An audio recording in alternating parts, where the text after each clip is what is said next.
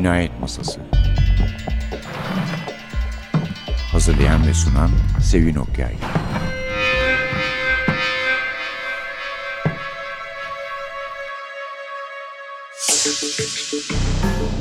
Merhaba. NTV Radyo'nun Cinayet Masası programına hoş geldiniz. Bugün efendim yabancı bir yazardan, hani geçen hafta Ayşe Erbulak vardı ya onun için diyoruz. Bir kitap sunacağız size. Tanıdığımız bir yazar Harlan Coben. Asla vazgeçme, Orman ve Oyun Bozan'ın yazarı. Daha pek çoğunun yanı sıra New York Times bestseller listesinin abonelerinden. Martı yayınlarından çıktı.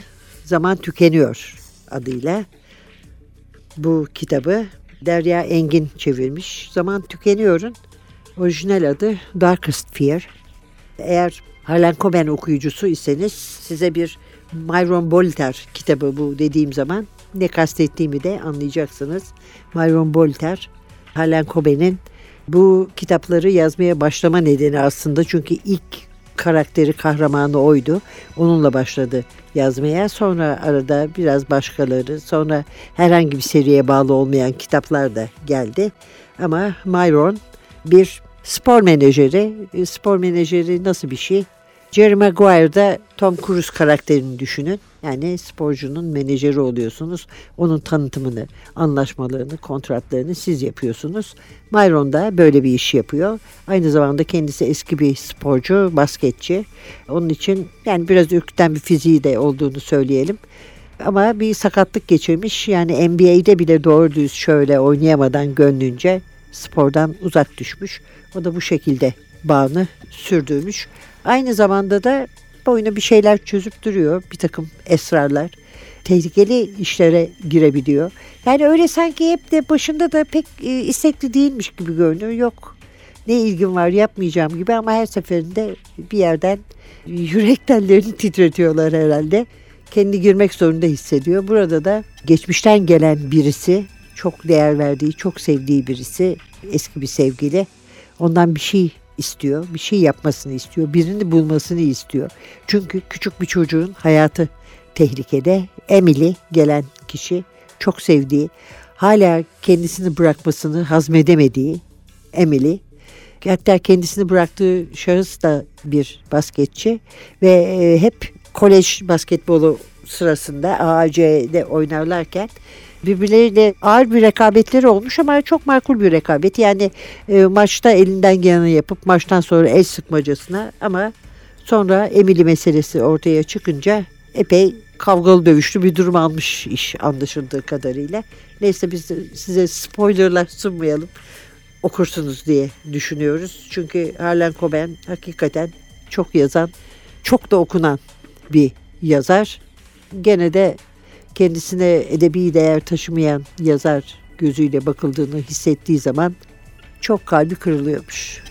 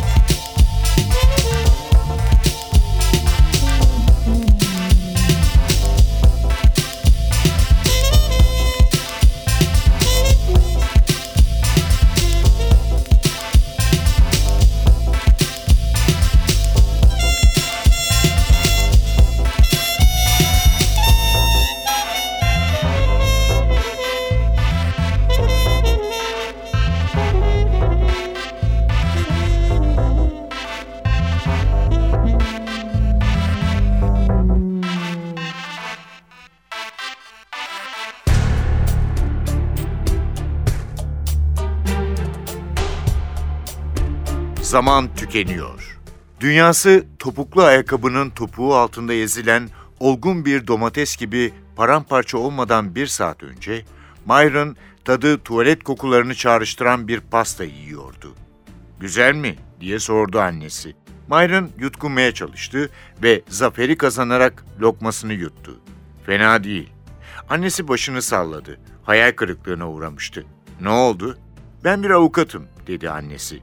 Daha iyi bir yalancı yetiştirebilirdim. Sen elinden geleni yaptın, dedi Myron. Omuzlarını silkti ve pastayı boş ver dercesine elini salladı. İlk kez hamur işi yapıyorum bebeğim. Bana gerçeği söyleyebilirsin. Sanki bir tuvalet kokusunu ısırıyormuşum gibi hissettim, dedi Myron. Ne ısırıyormuş gibi? Erkekler tuvaletinden bahsediyorum. Pisuarlarda olanlardan. Koku için filan koyarlar oraya. Onları yiyor musun? Hayır. Babanın tuvalette bu kadar uzun süre kalmasının sebebi bu mu? O lezzetli kekten mi yiyor? Ben de prostatı azdı sanmıştım. Dalga geçiyorum anne. Göz damlasının bile işe yaramayacağı derecede kızarmış gözlerinin arasından masmavi gözleriyle gülümsedi. Gözler ancak uzun süre ve çok ağladığında bu kadar kızarırdı. Annesi normalde duygularını gizleyen biriydi. Uzun süre ve sürekli ağlamak hiç onluk bir şey değildi. Ben de Bay çok bilmiş. Bu ailede espri anlayışı olan tek kişinin sen olduğunu mu sanıyorsun? Myron hiçbir şey söylemedi. Pastaya baktı. Onun yürüyüp gideceğinden korkuyordu ya da aslında umuyordu. 30 küsür yıldır annesi bu evde yaşıyordu ve bu süre zarfında bir kez bile hamur işi yapmamıştı. Ne tariflerden, ne akıldan, ne de hazır Pillsbury krovasanlarından. Katı kurallar olmadıkça su bile kaynatamazdı ve neredeyse hiç yemek yapmamıştı. Ama mikrodalga fırında donmuş pizzaları ısıtmaya çalışırken parmakları Lincoln Center'da gösteri yapan Nureyev gibi büyük bir çeviklikle tuşların üzerinde dans ediyordu. Hayır, Bolitarların evinde mutfak, mutfak sanatlarıyla uzaktan ya da yakından ilgisi olmayan daha çok bir toplanma yeriydi. Aile odası da diyebiliriz. Yuvarlak mutfak masasının üzerinde dergiler, kataloglar ve eve sipariş verilmiş Çin yemeklerinin boş kutuları vardı. Ocak bir Mercant Ivory yapımı filmden bile daha az aksiyon yaşamıştı.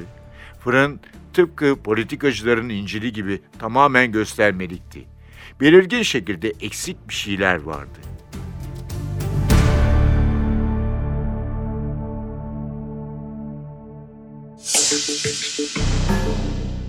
Darkest Fear, Zaman Tükeniyor. Myron Bolter'ın yedinci macerası. Helen Coben yazmış. Biraz daha bakalım isterseniz biraz daha ayrıntılı bir şekilde filmden söz edelim. Myron'un menajerlik işleri çok da iyi gitmiyor. Onun için kendine böyle meşhur müşteriler arıyor. Ee, ve menajerlik zamanından çalan amatör dedektif çalışmalarından uzakta durmak istiyor ama bildiğimiz gibi hepimizin hayat planlara göre gitmez. Babası bu arada bir kalp krizi geçirmiş. O da bir hayati tehlike içinde. E, Marion'a da yani ölümlü olduğu gerçeğiyle yüz yüze gelmesi konusunda ısrarda bulunuyor ve o sırada az önce sözünü ettiğimiz eski sevgili, üniversiteden sevgilisi Emily Downing yeniden hayatında ortaya çıkıyor.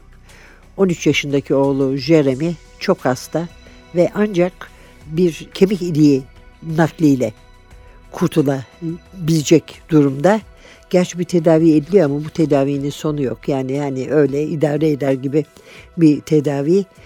Gerçi bir donör çıkmış anlaşıldığı kadarıyla kandan çok daha farklı bir şey bu. Uyması çok zor. Önce bir ön testler oluyorsun. Sonra ıı, daha detaylı testler geliyor ve bir donör çıkmış. Adı verilmeyen bir donör. Çünkü bu kuruluşlar donörlerin adını vermiyorlar. Her şeyin tamamen saklı kalması gerekiyor. Fakat nedense bilinmeyen bir nedenle vazgeçmiş kemik iliği vermekten. Yani aile bile e, yüzde yüz kesin değil uyacak diye kemik iliği. Annesi elbette oğlunun kurtulmasını istiyor. Elbette Myron'un amatör dedektiflik yaptığını biliyor ve ondan kayıp donörü bulmasını istiyor. O da çocuğun hayatını kurtarmak işte hala böyle sitemler ettiği Emily'nin de oğlunu kaybetmemesini sağlamak için sonunda işe girişiyor. Fakat gerçekten bu şahsı bulmak çok zor. Ve Myron da işin içine girdikçe bunun sadece basit bir donör bulma işi olmadığını, bir aileyi korku verici bir kaçırma serisini, dizisini ve hırslı bir muhabirle FBI arasındaki bir kapışma anlamına geldiğini, böyle olduğunu fark ediyor ama o sırada da zaten her zaman olduğu gibi biraz fazla işin içine girmiş bulunuyor. Tipik bir Myron Boltor kitabı.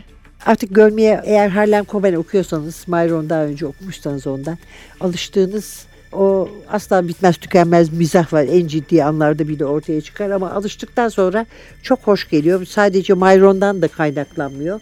Bir de Myron'un yardımcısı var. Bütün kitaplarının içinde gerçek hayatta bir modeli olan tek karakter Win. Bir wasp zengin, çok yapılı, sarışın ve zaman zaman çok ne diyelim şiddete başvurabiliyor.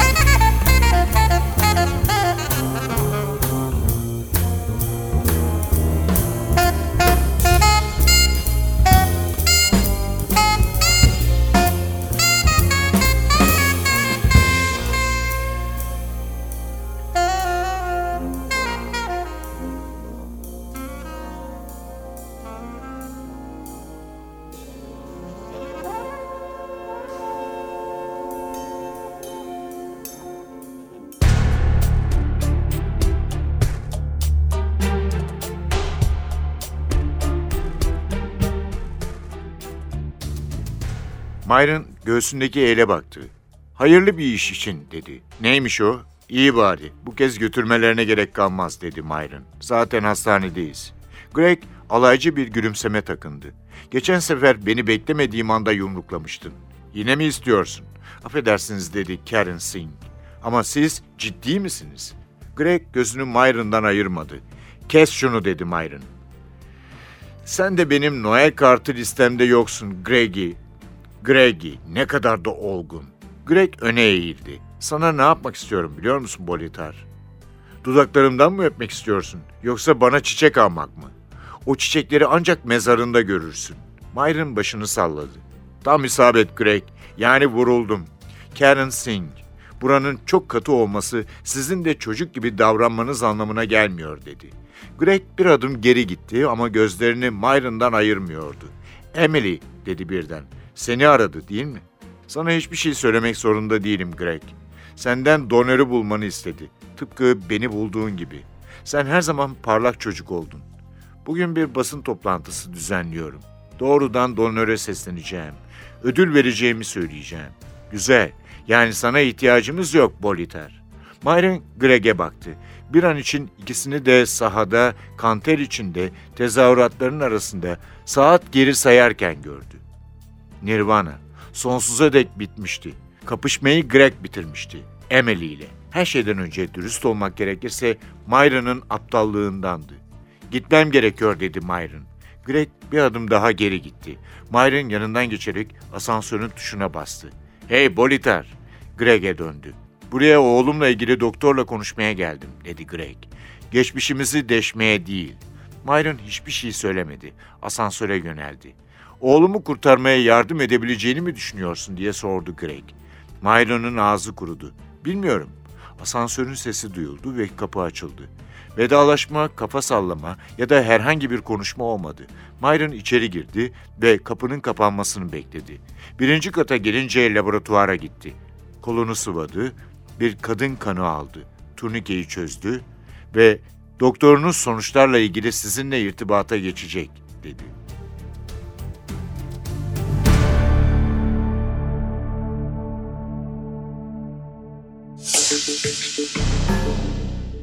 Evet daha fazla bir şey de aslında pek söylemek istemiyoruz. Çünkü çünkü sırları ele verebiliriz.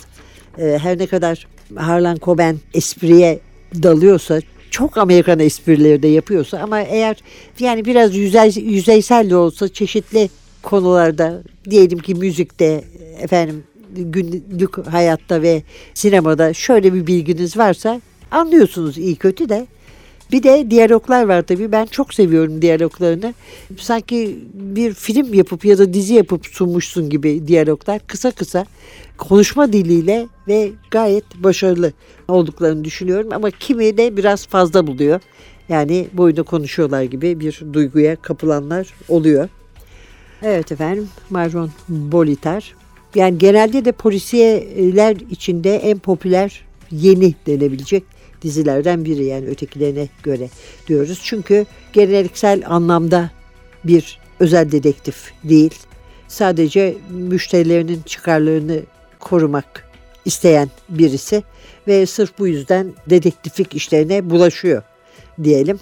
Basketbolu bir tarafa bırakması gerekince sakatlık yüzünden Harvard Hukuk Fakültesine gitmiş. Oradan mezun olmuş ve işte avukatlığın yanı sıra dediğimiz bu spor ajanlığını, menajerliğini de yapıyor. Hepsi spor aleminde geçiyorlar. Yani zaten spor aleminde geçmelerine de fazla gerek yok. Myron'un kendisi var. Bir de Win var tabii. Win aslında Harlan Coben ve Myron Bolter sevenlerin sevdiği bir karakterdir. Zaman zaman biraz fazla şiddete başvursa da GQ'nun kapağından dışı fırlamış gibi görünüyor ama görünüşe aldanmamak ve onu hafife almamak lazım. Hiçbir şeyden çekinmez arkadaşını korumak için. Zaten bürosunda ondan ödünç almış kendi şirketi için Myron. Duke Üniversitesi'ndeyken ikisi tanışmışlar. FBI orada anlaşmış onlarla üniversitedeyken ve gizli ajan olarak soruşturmacı, araştırmacı olarak çalışmışlar.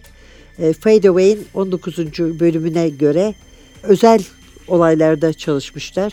Hem gizli çalışmaları gerekiyor hem de dikkati çeken insanların, tanınan meşhur insanların da bir parçası olduğu onlarla ilgili çalışmalarmış bunlar.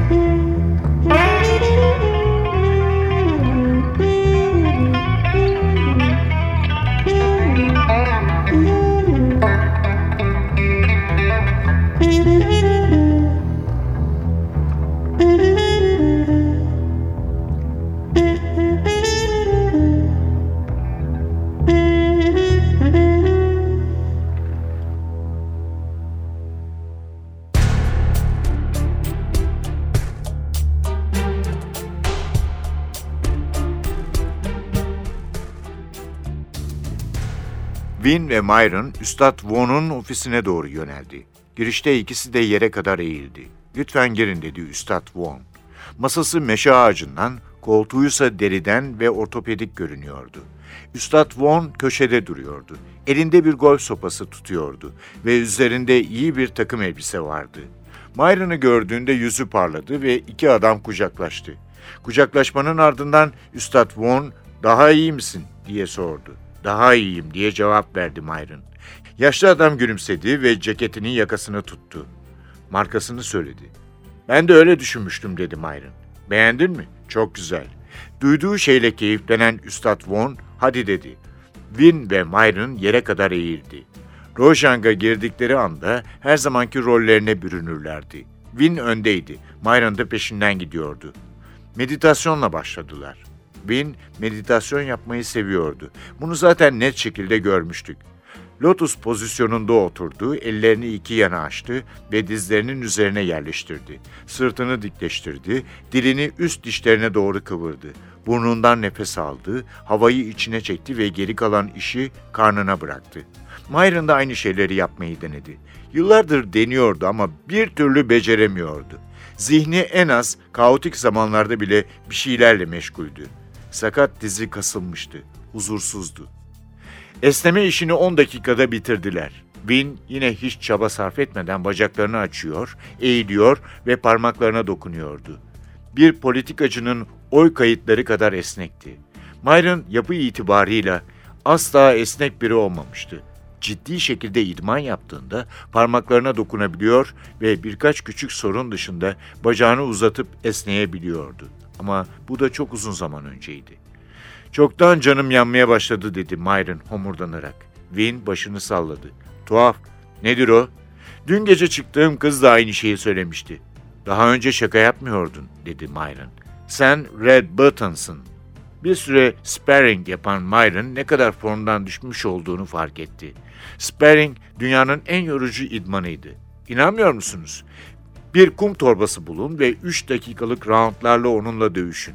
Tek farkı kum torbası karşılık veremez. Deneyin. Sadece bir round. Göreceksiniz.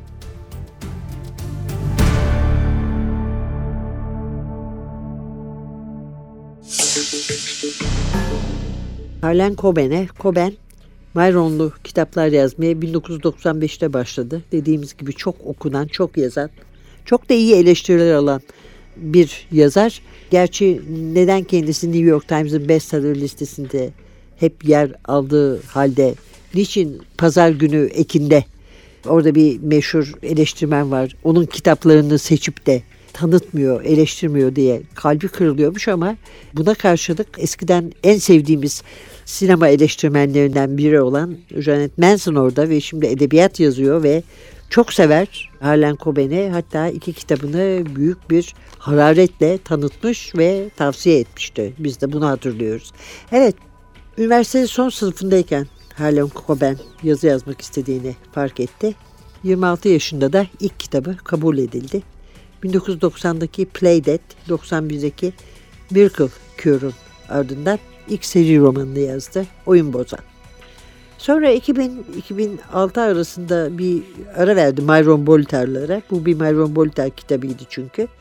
Ee, dokuzuncu kitabı Long Lost yayınlandı. Ondan sonra da devam etti gene. Yani biz yedideyiz farkındaysanız daha okumadığımız Myron Bolter'lar var. Onları da basarlar diye ümit ediyoruz. Çok tempolu, esprili, başından sonuna kadar okurun ilgisini çekecek kitaplar. Şiddet de var, seks de var ama hiçbirisi rahatsız edecek düzeyde değil. Ee, bir kitabı Beyaz Perde'yi uyarlandı. Aslında sorulduğu zaman kendisine yani Hollywood durumu ne diyor deyince Hollywood başka farklı türde bir hayvan diyor. Yani kolunu kaptırmamak lazım demiş. Fakat bu arada bir kitabını Fransızlar uyarladı Beyaz Perde'yi 2001 yılında Tell No One adıyla ve yönetmen ve erkek oyuncu dahil ki Francis Cluze oluyor o oyuncuda. Dört Sezar'lık bir film oldu. Lumière ödülü aldı. Aynı zamanda Harlan Coben'de Edgar Camus ve Anthony ödüllerine sahip bir yazar. Ayrıca bunların üçüne birden sahip olan tek yazar. Çok da iyi eleştiriler aldığını söylemiştik zaten. İlk kitaplarında işte Myron Bolter'ı yazıyordu. Sonra yedi kitaptan sonraki yedincisi zaten bugün bizim size takdim ettiğimiz kitap oluyor. Farklı bir şey denemek istemiş ve çok iyi bir fikir geldi aklıma ama bu Myron'a uyacak bir fikir değildir diyor. Bunun üzerine Telnova'nı yazdı. New York Times bestseller. Kitapların çoğu böyle zaten. Çok da ödül aldı 2001 yılında bu. Edgar, Anthony, Macavity, Nero, Barry adaylığı. Odi ödülünü aldı ve Booksense 76 listesinde de bir bir numara elde etti. Telnova'nın başarısının arkasından başka New York Times bestsellerları geldi tabii. Gone for Good, No Second Chance ve Just One Look, The Innocent. Her yıl bir tane aslında yani boşumuz yok. Daima bu listede kendine yer bulmaya devam ediyor halen Coben ama gerçekten de bazen kendisinin ihmal edildiğini, polisiye ve gerilim kitapları yazdığı için ciddi yazarlar arasında yer almadığını, bunlara dahil edilmediğini düşünerek üzülüyormuş. Oysa Janet Masser'ın da doğrulayacağı gibi kendisi gerçekten polisiye gerilim yazarlarının iyilerindendir. Evet efendim Harlan Coben ve Myron Bolter'la birlikte huzurunuzdaydık ve Win'le birlikte elbette Myron pek tek başına dolaşmıyor. Önümüzdeki hafta başka bir Cinayet Masası programıyla yeniden birlikte olmak umuduyla mikrofonda Sevin, masada Hasan. Hepinize hmm, spor dolu bir hafta diler diyelim. Bu hafta da böyle olsun. Ne de olsa kahramanımız spor menajeri. Hoşçakalın.